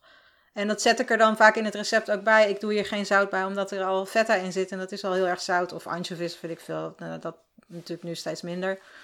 Um, en dan kom je uiteindelijk op hetzelfde. Het gaat om die balans. Ja, het probleem is natuurlijk dat in, bijvoorbeeld in de Surinaamse keuken dat mensen um, uh, een bepaalde smaak gewend zijn. Dus op het moment dat, uh, dat ik ze dan iets zou voorschotelen, dan vinden ze het flauw. Hè, omdat er niet al die, die toevoegingen in zitten. Maar dat heeft gewoon te maken met je smaak aanpassen. Ik bedoel, ik krijg nu niet meer, uh, weet ik veel, een Twix uit de winkel weg, omdat ik het gewoon te zoet vind. Omdat ik zoveel suiker niet meer eet. Dus dat is een kwestie van je smaak aanpassen. Maar dat is dan waar je tegenaan loopt. En dat, daar hebben we het eigenlijk nog niet echt over gehad. Maar dat um, ook natuurlijk binnen de Surinaamse gemeenschap heel veel mensen vinden dat je niet aan de keuken mag komen. Zelfs als juist als Surinamer. En ik vind, ik heb daar best wel een beetje moeite met het woord authentiek. Ja. Ja. Um, ja. ja. ja. Ja. Nee, ik, uh, ik, ik, ik vind het woord authentiek heel moeilijk, omdat als jij nu tien Surinamers vraagt om pom te maken, hè, een, een ovenschotel gemaakt van tire, dat is een wortelknol, dan krijg je tien verschillende poms. Ik weet nog steeds niet wat het meervoud van pom is hoor. Pommen, poms. poms ja, zijn dus, pommies. En, en, en, en is dan eentje authentieker dan de ander? Precies. Dat, dat, maar wat, dat, wat maakt iets ook authentiek? Nee, ja, dat is ook dus, zeker gewoon in, in, in the eye of the beholder, toch? Wat authentiek is. Terwijl aan de andere kant natuurlijk ik wel kan zeggen als bijvoorbeeld Rudolf van Veen besluit: ik maak Surinaamse pom met aardappel. Ja. Dan is het niet het. Ja, nou ja, en de grap is dus, want dat is, dat, is, en dat is het enige wat hij had hoeven doen. Sowieso het woordje Surinaams even weglaten, misschien. Als hij erbij had gezegd: in Suriname zijn ze pom gaan maken met de tire, omdat de aardappel die in het Joodse gerecht zat niet voorhanden was, dan was hij er geweest. Dat heeft hij niet gedaan, omdat hij natuurlijk clueless was in die zin. Ik, ik weet ook nog dat hij ooit uh, een, een, een, hij heeft Ixikuku gemaakt, overigens met een heel slimme tip om, om hem luchtig te houden, door de eiwit uh, te scheiden van de eidooiers. Wat is dat voor uh, gerecht? Uh, is letterlijk eiercake. Dus dat is een hele lucht, dat is een soort sponscake, ah, maar echt ja, super luchtig. En normaal gesproken, Surinamers die kloppen dat ei dan echt een uur lang. Nou ja, daar heeft niemand tijd voor, tenminste ik niet. Ja, vind ik echt onzin. En dan heb je nog steeds kans dat hij mislukt. Hè? Want eh, ik zie koekoe, dat noem je dan fadong koekoe. Fadong betekent gevallen. Dan kan hij inzakken en dan is hij dus helemaal mislukt. En, dus je moet de juiste hand hebben. En je moet op de juiste manier de gesmolten boter erbij doen. En, en luchtig, nou bla bla. En, um, uh, en mijn oma die kon dat natuurlijk. Maar mijn neefje die heeft dat dan bij haar geleerd. En bij hem lukt het nog steeds niet altijd. Maar goed, Rudolf die had dan een manier daarvoor om het te scheiden. En dat was heel handig. En dat was even de afslag, want wat ik wilde zeggen was... Hij, hij, hij maakte dat filmpje en hij zei... Ik zie koekoe, de, de, de cake met misschien wel de grappigste naam. Dan denk ik, voor wie? Ja, wow. Voor wie? Wow, wow, Ja. Um, maar goed, um, uh, um, uh, even helemaal terug naar wat ik wilde zeggen is dus... Als jij het woord authentiek gebruikt bij iets... kijk, we weten allemaal, pom is van oudsher tire... Ehm, daar zit, ehm, hoe heet het? normaal zit daar kip in met een jus. Dus daar, je stooft die kip. zoutvlees zit erin. En vroeger gebruikten ze dat, noem je swalanja. Dat is een, een soort zure sinaasappel. Ehm, maar sommige mensen gebruiken piccalilli. Want in Nederland heb je geen swalanja. Dat is gewoon zo. Ehm, mijn moeder die wordt dan heel erg boos als mensen piccalilli gebruiken. Want zo deed oma het niet. Uh, weet je wel, dus nou ja, daar ga je al. Ehm, maar als die pom smaakt zoals jij het lekker vindt, ja, dan is het dus voor jou authentiek. Want dat is de smaak die jij kent. Ehm, dus ik vind, het een, ik vind dat een heel moeilijk woord. Want er is wel degelijk iets als authentiek Surinaams. Hè? Dat zijn de klassiekers, de bami, de nasi, de, de roti, de, de bruine bonen, de weet ik veel wat. Ehm, maar daarmee, door het authentiek te noemen, laat je ook geen ruimte of weinig ruimte om ermee te spelen. Ja, het wordt helemaal ingeperkt. Ja, uh, ja. eigenlijk dan. Uh, Want als wij dan uh, roti maken met, sorry, roti met um, pom maken met paddenstoelen en tempeh, wat echt heel lekker is. Of met groente. Zelfs mijn moeder die wil dus niet mijn pom eten als ik daar groente doorheen doe. Want dan zegt ze, nee, zo hoort het niet. En dan zeg ik, maar kaal, wat, anders heb je je groente ernaast. Wat, maar dat, dat, dat gaat in haar hoofd niet goed. Dat snapt ze gewoon niet. Dus, uh, dus, dus ik loop er dan al tegenaan. Maar dan moet ik ook wel weer zeggen, mijn moeder is aan de andere kant. Mijn vader was dat ook. Wij zijn een keer naar het restaurant van Ramon Beuk geweest. Nou ja, daar vinden Surinamers wat van. Hè? Dat is echt ik zit in Facebookgroepen waar op een gegeven moment het uh, een soort van uh, een hype was om elke week of elke dag een Ramon Beuk grap te maken. En dan allemaal domme foto's van, van eten te posten. En dan, oh, dit is iets wat Ramon Beuk zou maken. Kan je, kan je uitleggen wat het ding is met Ramon Beuk? Nou, mensen vinden dat hij uh, te veel speelt met de Surinaamse keuken. Dus dat hij bijvoorbeeld pindasoep in een wijnglas opdient, dat mag niet. Of dat hij zegt, ik maak roti poffertjes. Ik vind dat geweldig. Waarom zou je alleen roti, weet je, zeg maar zo'n grote roti moeten eten? Hij doet er iets leuks mee. Hij, hij, hij maakt krokant zoutvlees. Dat is toch geweldig? Vind ik hartstikke leuk. Ehm, maar goed, dat mag dus niet, want dat is niet authentiek, tussen aanhalingstekens. Maar goed, wij waren dus naar zijn restaurant geweest. Ehm, en toen uh, zei hij op een gegeven moment, de volgende gang is pom met vis. Nou, de gezichten van mijn ouders. Want, want vis hoort niet in pom. Ze hebben het helemaal opgegeten. Ze vonden het hartstikke lekker. Dus soms moet je mensen ook gewoon niet helemaal vertellen wat je doet. Ze het laten eten en dan daarna, weet je wel. Het is net als met mijn vriend, wanneer ik zeg dat iets vegan is, dan zegt hij ja, ik vond het niet zo lekker. En als ik het hem geef en daarna zegt het was vegan, oh. dan ja. Dus... Dit is zo herkenbaar. Ook gewoon in de tijd dat ik taarten van Jansen nog runde. Dan kwamen, ik, ik verkocht heel vaak ehm, eh, taartjes op, uh, tijdens concerten en festivals. Stond ik daar gewoon met een grote tafel vol met taarten. Dan konden mensen wat komen kopen. Er stond in letters vegan, maar heel veel mensen lazen dat niet. En dan kwamen ze zo uh, naar me toe daarna om te zeggen: Oh, ik vond het echt zo lekker. Ja, die citroenmaas uit ik, oh, ik heb nog nooit. Er zitten vast wel veel eieren in, hè? Ik zo: Nee, er zit helemaal geen ei in. Oh, maar, maar wel melk, toch? Ik zo: Nee, dat is kokosmelk. Ik zo: Het is vegan. Ja, ik dacht dan wel dat ik iets proefde. Dan ineens proefden ze toch iets. Exact dat. Ja, exact dat. Ja, ja. Heel herkenbaar. Ja. En uh, wat doet het woord authenticiteit met jou, uh, Dorothy? Uh, wat mij opvalt in online discussies is dat, en dat gaat dan denk ik Kijk, de Aziatische keuken is inmiddels wat. verschillende Aziatische keukens, laat ik het zo zeggen, zijn inmiddels wat. Sorry, er is een opdringerige kat zijn inmiddels heel erg geappropieerd ook door, door uh, witte mensen. En je ziet dat met name witte mannen dan graag het sciency maken en dan ook helemaal gaan afbakenen als, uh, als uh, nu is het niet meer authentiek. En dat ik denk, hoe, hoe ga jij daarover?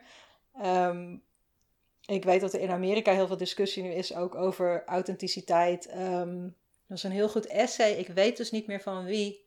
Maar dat was een Mexicaanse jongen die schreef over dat, nou ja, zijn moeder kon niet koken. Uh, want het is ook heel moeilijk te begrijpen vaak voor witte mensen dat uh, mensen van andere achtergronden dat die ook wel eens niet kunnen koken. Nou, ook maar gewoon Taco Bell eten. Dus zei ook van, is mijn ervaring van de Mexicaanse keuken dan minder authentiek omdat mijn moeder niet kan koken en we dus een andere versie aten van Mexicaans dan zogenaamd wat mensen nu authentiek vinden. En de Indische keuken is natuurlijk helemaal niet authentiek om het zo te, zeg maar, als je dat echt heel streng gaat zeggen, dat, want het is niet de Indonesische keuken, het is al een verbastering van de, uh, van de Indonesische keuken naar Hollandse smaken toe in de koloniën al. Maar mijn oma, uh, haar moeder was Indonesisch en zij heeft van haar moeder leren koken, dus zij kookte waarschijnlijk wel meer Indonesisch dan Indisch. Maar dat is ook allemaal niet te achterhalen. Ik weet dat, er ook, dat ze ook wat Chinese recepten had. Um, toen kwamen ze ook nog hier in 62 en toen zijn ze hadden ze natuurlijk bepaalde beperkingen. Mijn oma wist hoe ze uh, dingen moest vervangen. Dus voor haar vielen die beperkingen wel mee. Maar veel uh, Indo-Europeanen die naar Nederland zijn gekomen, die hebben eerst een tijdje sowieso vooral Nederlands proberen te eten. En die hadden vaak koks ook in Indonesië of in Nederlands-Indië. En mijn familie had het niet. Dus dat zijn ook veel Indische recepten nu. Zijn families die dus naar Nederland kwamen, toen ineens zelf moesten koken. Dat eigenlijk al niet wisten hoe ze moesten koken en daarna dat zijn gaan aanpassen. Dus dat, en het is, in de Indische keuken heeft hetzelfde als de Surinaamse keuken. Uh, je vraagt uh, tien mensen om een recept. Ik weet zelfs, mijn broer en ik hebben ooit uh, gevraagd om het recept voor sambal goreng boontjes. En mijn broer kwam bij mij thuis en ik was het aan het maken en hij zei, wat ben je aan het doen? En ik zei, ik ben sambal goreng boontjes aan het maken. En hij zei, hè, hoe doe jij dat dan? En we hebben gewoon van allebei, zeg maar, de bron was hetzelfde, maar we kregen een heel ander recept, omdat er ook heel veel op gevoel wordt gekookt. Uh, dat, en de, de, uh, hoe het overgedragen wordt is vaak meer een orale traditie dan dat het. En, weet je, en als je een recept leest van mijn oma, wat ze dan uitgeschreven heeft, dan dat je de lumper is uh, ja, hetzelfde als. maak je hetzelfde als de bapau met de vulling, maar dan, zeg maar, maar dan met kip en hele andere ja, ja, maar dan helemaal anders. ja. En dan staan er verder geen hoeveelheden bij. Dus dat hele, dat authentiek is zo, het is zo betrekkelijk. En het voelt voor mij tegenwoordig bij veel uh, Aziatische keukens, voelt het als een soort stok om mee te slaan van mensen die zich er zogenaamd in verdiept hebben. En die mij dan komen vertellen dat mijn redang niet goed is. Terwijl mijn opa van Sumatra komt en zijn moeder 100% Sumatraans was. En dus dat, ja, dus ik, ik vind het een, ik vind het een, het is een, een nutteloze term geworden, omdat het meer voelt als een afbakening dan een, um, dan wat dan ook. Ja, ja, ja, mijn ervaring met het woord authentiek is dat het ook vooral wordt gebruikt om, um, om bepaalde stereotypen gewoon in stand te houden. En dat zie je al heel erg als je bijvoorbeeld kijkt naar hoe bepaalde gerechten worden gefotografeerd. Ja, het bananenblad. Ik heb dus gewoon laatst een recept voor een Surinaams recept op bananenblad geserveerd zien worden, lieve mensen. WTF. Wat, wat hebben bruine bonen en bananenblad met elkaar te maken? Echt, echt. Maar ook gewoon, ik, ik benoemde het straks ook al even. Um, alle Aziatische gerechten worden dan ook, er moeten dan uh, stokjes bij op de foto. Ik heb me daar ook schuldig aan gemaakt. Oh, ooit. ik heb vast ik heb de foto, uh, Ik heb de foto wel uh, aangepast, verwijderd. En dat kwam dus door een podcast die ik toch echt even wil tippen. Die heet Racist Sandwich. Oh, die is echt amazing. Oh ja, die is En goed. uh, toen hadden ze dus een aflevering met een, een foodstyliste, die, of een foodfotograaf, ik ben het heel even vergeten. En die vertelde dat ze inderdaad aan bij een shoot kwam en dat het bananenblad inderdaad weer tevoorschijn kwam. En dat ze zei, maar waarom dan? Want dat, dat hoort helemaal niet bij deze keuken. En dat zeiden, ja, maar dat is gewoon voor de sfeer. En toen zei ze, bij een, bij een Frans gerecht doe je toch ook niet altijd de Eiffeltoren erbij? Nee, of maar bij de die Italiaanse mogen ook gewoon op zichzelf staan, hè? Uh, Italiaanse Ja. gerechten, Franse gerechten mag allemaal op zichzelf staan. Ja, Indiaas moet altijd heel kleurrijk. Nee, en dat, dat heeft mij toen echt de ogen doen, eh, doen openen. En die podcast is sowieso heel tof, omdat ze, omdat ze het daar heel vaak over hebben. Ehm, maar dat, ja, ik, ja, die, nee, die, die eetstokjes, ik, dat zeg ik dus. Toen realiseerde ik me dat van, oh ja, dit gaat nergens over, Wansi. Waar slaat dit op? Ja, niet doen. Dus, en dat is natuurlijk, ik ben daar niet vrij van, want ook ik uh, woon in, in, in het Westen, hè, het Westen tussen aanhalingstekens, en, en, en kijk, uh, heb door diezelfde bril gekeken totdat ik door een andere bril ging kijken. Um, en, en daarom is het ook niet inderdaad een gesprek waarin we boos zijn op mensen, maar wel van, nou ja, je hoort dat dan en ik denk, verrek, ga ik niet meer doen. Oh ja, nou ja, zo simpel Ja. kan het zijn. Ja, maar dat, dat is het. Dat is het hele ding. Het is soms zo moeilijk om met elkaar te leren. Want ik, ik ben in ieder geval mezelf nu ook heel erg bewust, weet je wel, hoe meer ik weet, hoe meer ik ook weet wat ik niet weet. En dat ik heel veel nog niet weet. En, en ik zit nu op, op dit moment ook een beetje in zo'n soort impasse met mijn eigen Instagram-account. Omdat, weet je wel, ik weet best wel veel, maar ik weet dat ik nog veel meer niet weet. En daarom hou ik heel vaak mijn mond, omdat ik denk, ja, als ik nu iets ga zeggen, dan over een half jaar weet ik zoveel meer. En dan zeg ik nu misschien dingen die bijvoorbeeld problematisch zijn of die incompleet zijn. Terwijl dat leerprocessen er ook moeten mogen zijn. Het houdt je soms ook tegen, inderdaad. Om, Nou, ik eh, denk wat het vooral is dat een leerproces kan nu zo publiek zijn. Dat is het ook. En kijk, ik ben heel erg bang met mijn boek dat ik nog, weet je, dat ik daar nog dingen in heb staan dat ik nu denk, oh, of oh god, of er gaat. Ja, dat heb ik ook met, Eh, mijn, met mijn boek. Ja, dat, en een- want een boek is dan nog veel, weet je, een social media post die kan je nog deleten of zo. En dan, maar dan heeft er iemand screenshots gemaakt. Ehm, maar ik denk dat het uiteindelijk gaat om hoe je omgaat met het leerproces. Ehm, en het is heel pijnlijk als je iets publiekelijk hebt gedaan en iedereen wordt heel boos op je, lijkt mij. Ik heb dat gelukkig nog niet zo vaak meegemaakt. Ik hoop dat ook niet vaak mee te maken, maar ik denk dat je, eh, zoals ik met die LARP had, en ik heb het ook wel eens gehad met kimchi mac and cheese, dat iemand zei, waarom zijn witte mensen overal kimchi in, in aan het doen? En toen zei ik, nou, dat is eh, vanuit mij geïnspireerd van de eh, Koreaans-Amerikaanse keuken, waar, en sowieso in Korea zelf wordt ook heel vaak eh, kaas gecombineerd met Koreaanse ingrediënten. En toen zei ze, oh, oké, dat wist ik niet. En toen zei ik, ja, sorry. eh. Eh, en ik was in eerste instantie ook een beetje van, omdat ik dacht dat zij ook wit was. Dus het was een heel leuk incident tussen digitaal white passing people. Ehm, You're not white? You're not white? I'm Asian. I'm Asian. Dat was echt zo'n zo'n moment. Eh, maar als je dan gewoon zegt van...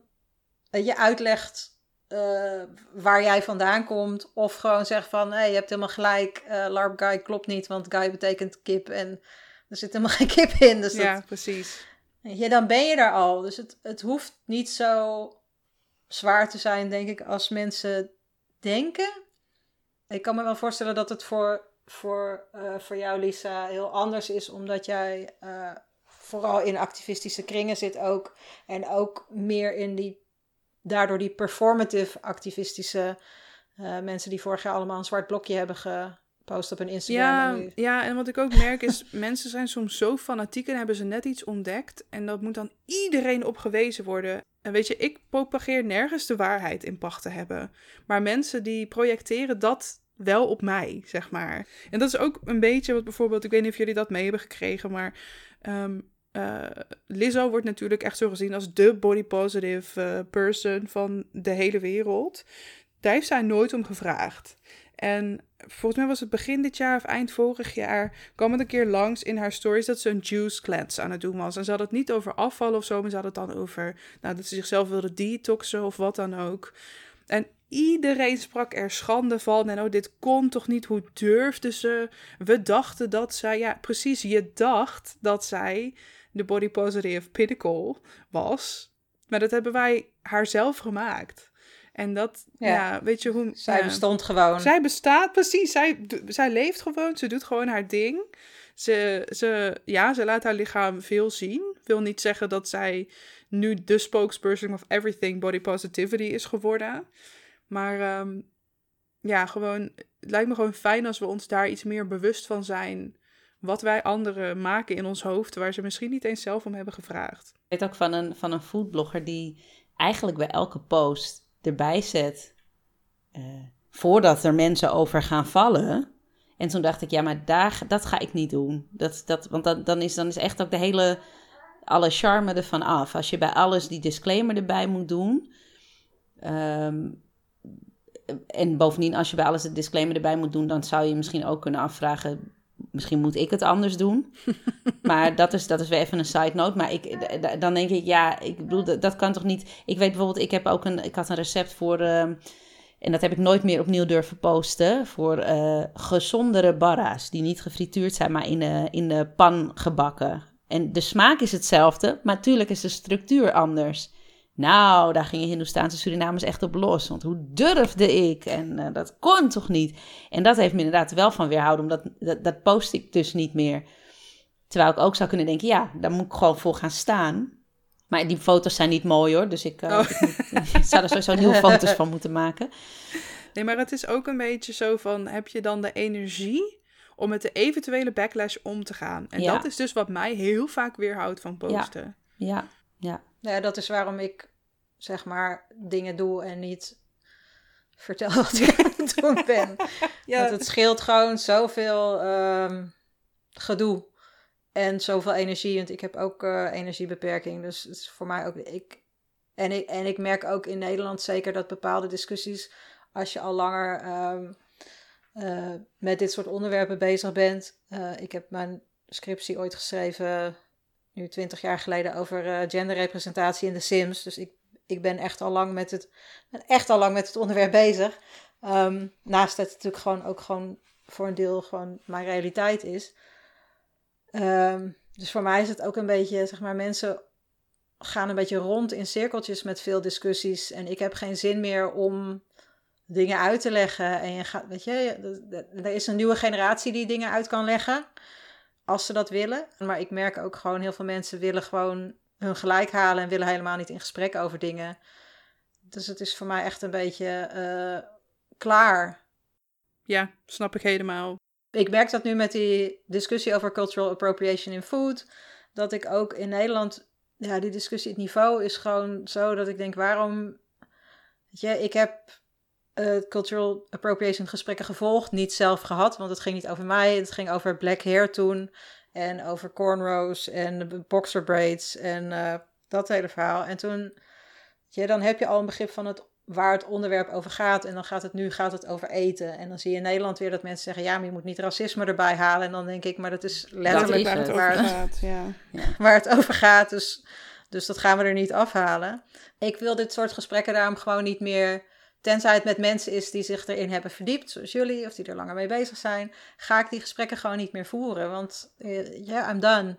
En ik wil zelf best leren, maar ik ga niet allemaal mensen uh, opvoeden daarover. Dat doen ze maar lekker. Maar het moet toch gebeuren. Dus dan denk ik, dus toch, wie, wie moet het dan doen? Want ik, ik, bedoel, mijn vingers jeuken op het moment dat ik weer zie dat iemand authentieke bami met tomatensaus heeft gemaakt. Ja, nou ja, dat denk ik. Maar dat is denk ik, in ieder geval wat, wat ik doe, is wel meer ehm, meer laten zien dan, dan mensen daar, daarop aanspreken. En ja, en in de Indische gemeenschap is het sowieso al. Uh, ja, heb ik ook geen zin om die discussies te voeren met mijn mensen. Maar het is wel dat ik signal boost als ik iets zie. Of dat ik inderdaad, als iemand weer eens post dat er weer een of andere verrotte rotti in een winkel is verschenen. Dan natuurlijk post ik dat ook. Maar ik ga het niet, weet je, mensen moeten zelf met Gisteren heeft de Efteling aangekondigd dat ze Monsieur Cannibal gaat eindelijk stoppen. Maar dan gaan ze er ja, de Zeeman van maken. Ja. En dan retweet ik het alleen maar met een gifje erbij van... Oh my god, hoe dan?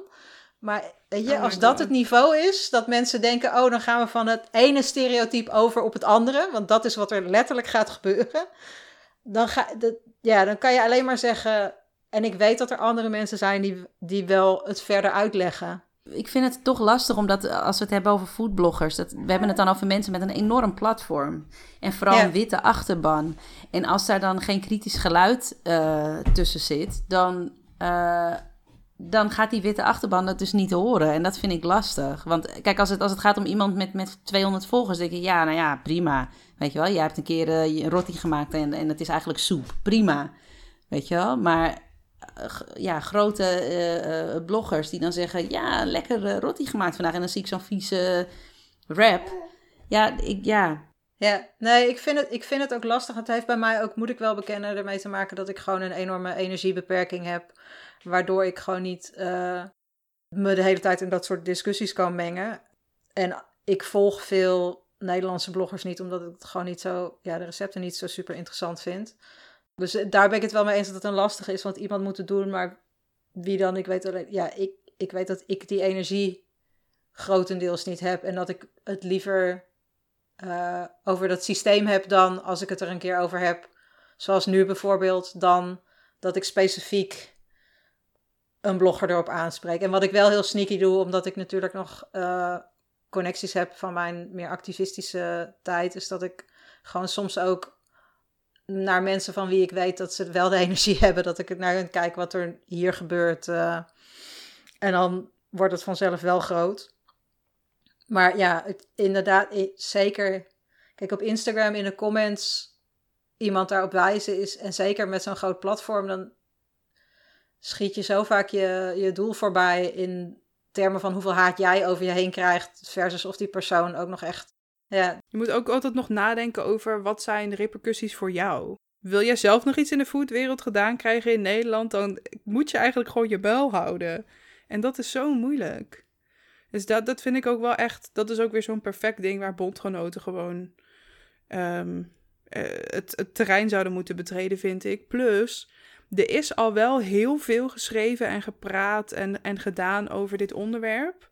Dus wat ik zelf wel altijd probeer, is als ik mensen ergens op wijs, weet je, ik heb ook gewoon heel weinig energie, dus ik kan ze niet altijd een persoonlijke uitleg geven, maar dan stuur ik ze in ieder geval door naar een artikel daarover bijvoorbeeld, of een podcast die er al over dat is doe ik ook geweest. wel.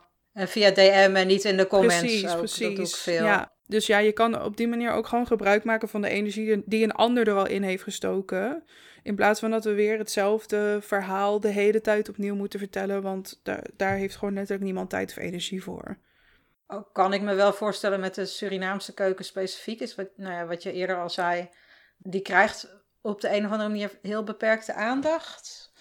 Of op de een of andere manier, ik think, I think we all know why. Mhm. Ehm, dat daar minder ogen al voor is dan voor andere keukens die, ge, die eh, gemisapproprieerd worden. Dus er zijn heel veel Indische en Indonesische eh, mensen die daarover kunnen praten. En de Surinaamse keuken wordt op de een of andere manier echt nog heel erg weinig besproken als een keuken om te verdedigen, zeg maar. Iedereen mag er maar mee aan de haal.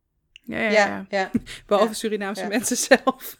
Ja, precies. Ja. Nee, wij moeten het vooral Ja. authentiek doen. ja, gewoon. Precies, precies.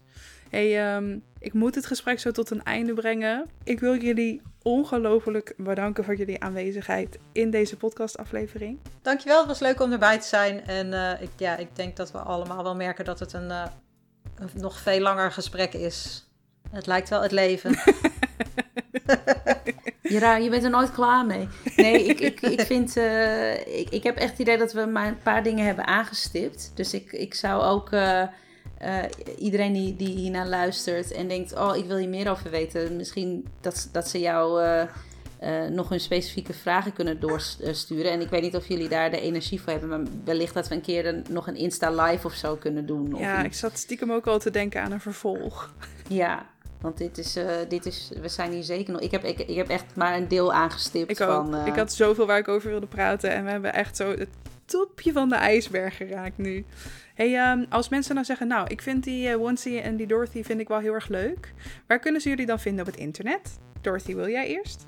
Eh, ja, ze kunnen mij vinden op vettesletten.nl en daar staan links naar eh, mijn Instagram, die wat luchtiger is met meer behind the scenes.